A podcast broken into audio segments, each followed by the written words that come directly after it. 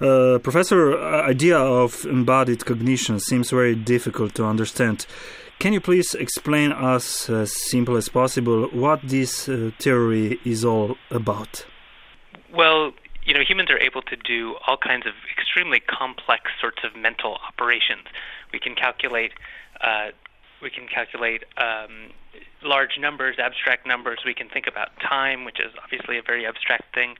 We have the ability to uh, talk about um, abstract concepts like uh, like love relationships and mm-hmm. society and so on.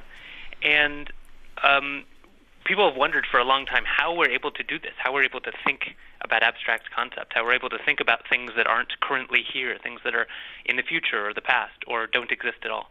And the embodied cognition hypothesis is that um, it's just the idea that the way that we do this, the way that we are able to think and use language about uh, things that aren't here or things that aren't real or things that are abstract, is by using resources that our brain has um, that are dedicated to simpler, more concrete, more primitive types of um, thought, reasoning, and perception.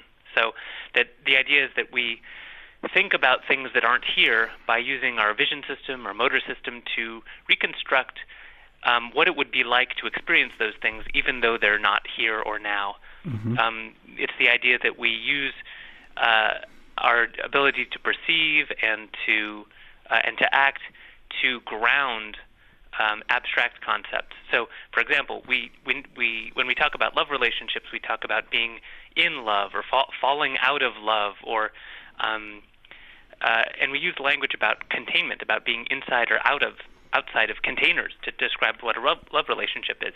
Well, maybe we also think about a love relationship as though it were a container. Maybe at, at some level we use the capacity that our brain has to think about containment, to think about what it is to be inside or outside of something, to think about love relationships as well. Mm-hmm. That's the basic idea. Mm-hmm. Um, so, if people would have the body of, uh, let's say, of a bat, uh, then they would also think uh, differently. That's exactly the idea. So that's uh, you may know Thomas Nagel, but this was his idea um, that your body radically constrains what your cognition will be like, what you will be able to think. Um, and uh, and sure, if we were, it's not merely if we were if we had different bodies, but also if we grew up and lived in a different environment. So imagine, you know, it's a, it's a thousand years from now, and we all live in space in an environment that has no gravity, right? Mm-hmm. Um, we're all aboard starships or something, and we float around. Well, our experiences will be very different, and so the way that we think, not only about the world but about abstract things, will be very different. Uh, I'll give you an example. We we talk about um, change, we talk about quantity and value in terms of height. So we say that stock prices rose or fell, or plummeted or skyrocketed. These are things that you say in English to describe changes in height, but you can also use them to describe changes in value.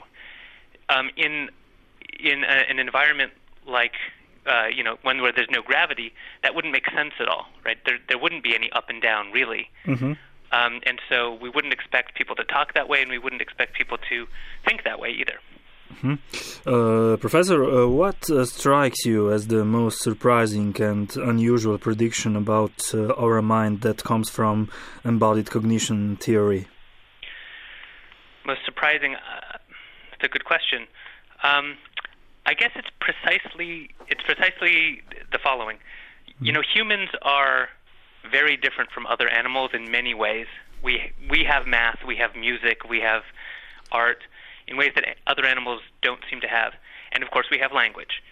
And I think the idea of embodied cognition that I find most exciting is the idea that despite this apparent um, qualitative difference between us and other animals, despite the fact that we appear to be so vastly different from them in terms of what we're able to do, that the way that we do that is by using systems that we share with them. So other other primates have systems for perceiving and acting that are very similar to ours. We just have the ability to use them in a different way as well, not merely to perceive or to act, but also to to reason and use language and um, and think about things that are not currently being perceived or things that we're not currently doing. Uh, it seems very strange that uh, our body somehow contributes to our thinking. Uh, what evidence uh, there is that the theory of embodied cognition uh, is correct? Well, there are a lot of different pieces, types of evidence that people um, that people use.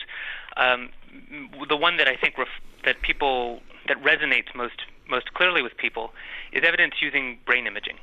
So if you if you uh, take take a person who's performing some task like thinking about time or using language about numbers or about love relationships, and you put them into um, a brain scanner like a functional magnetic resonance imaging machine, an fMRI machine, um, you can see what parts of the brain are lighting up while they're performing those specific operations. And what you find is that while people are thinking about um, abstract concepts that are in language described in terms of concrete ones, that are described in terms of seeing or feeling or touching or doing, you see that the parts of the brain light up that are responsible themselves for seeing or feeling or touching or doing. Um, there are other sorts of evidence as well that we use. Uh, we can look at people who have brain damage to particular areas. So people who have brain damage to part of the front of the brain that controls actions tend to also have trouble understanding language about actions.